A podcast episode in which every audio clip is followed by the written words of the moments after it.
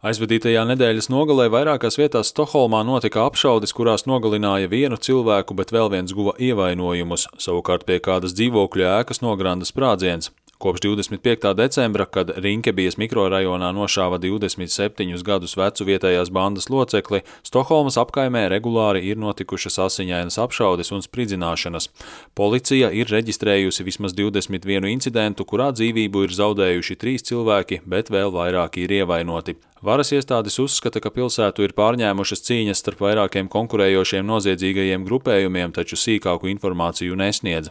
Savukārt mediji vēsta, ka ir izcēlies karš starp divām bandām, kas vēlas kontrolēt narkotiku biznesu Sunsvallas pilsētā, kas atrodas gandrīz 400 km uz ziemeļiem no Stokholmas.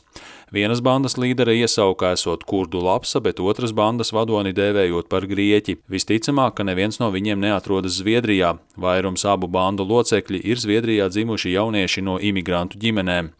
Saistībā ar apšaudēm un spridzināšanām policija kopš decembra ir veikusi aptuveni 30 arestus. Šonedēļ policija pastiprina patruļas vardarbības visvairāk skartajās Stokholmas priekšpilsētās.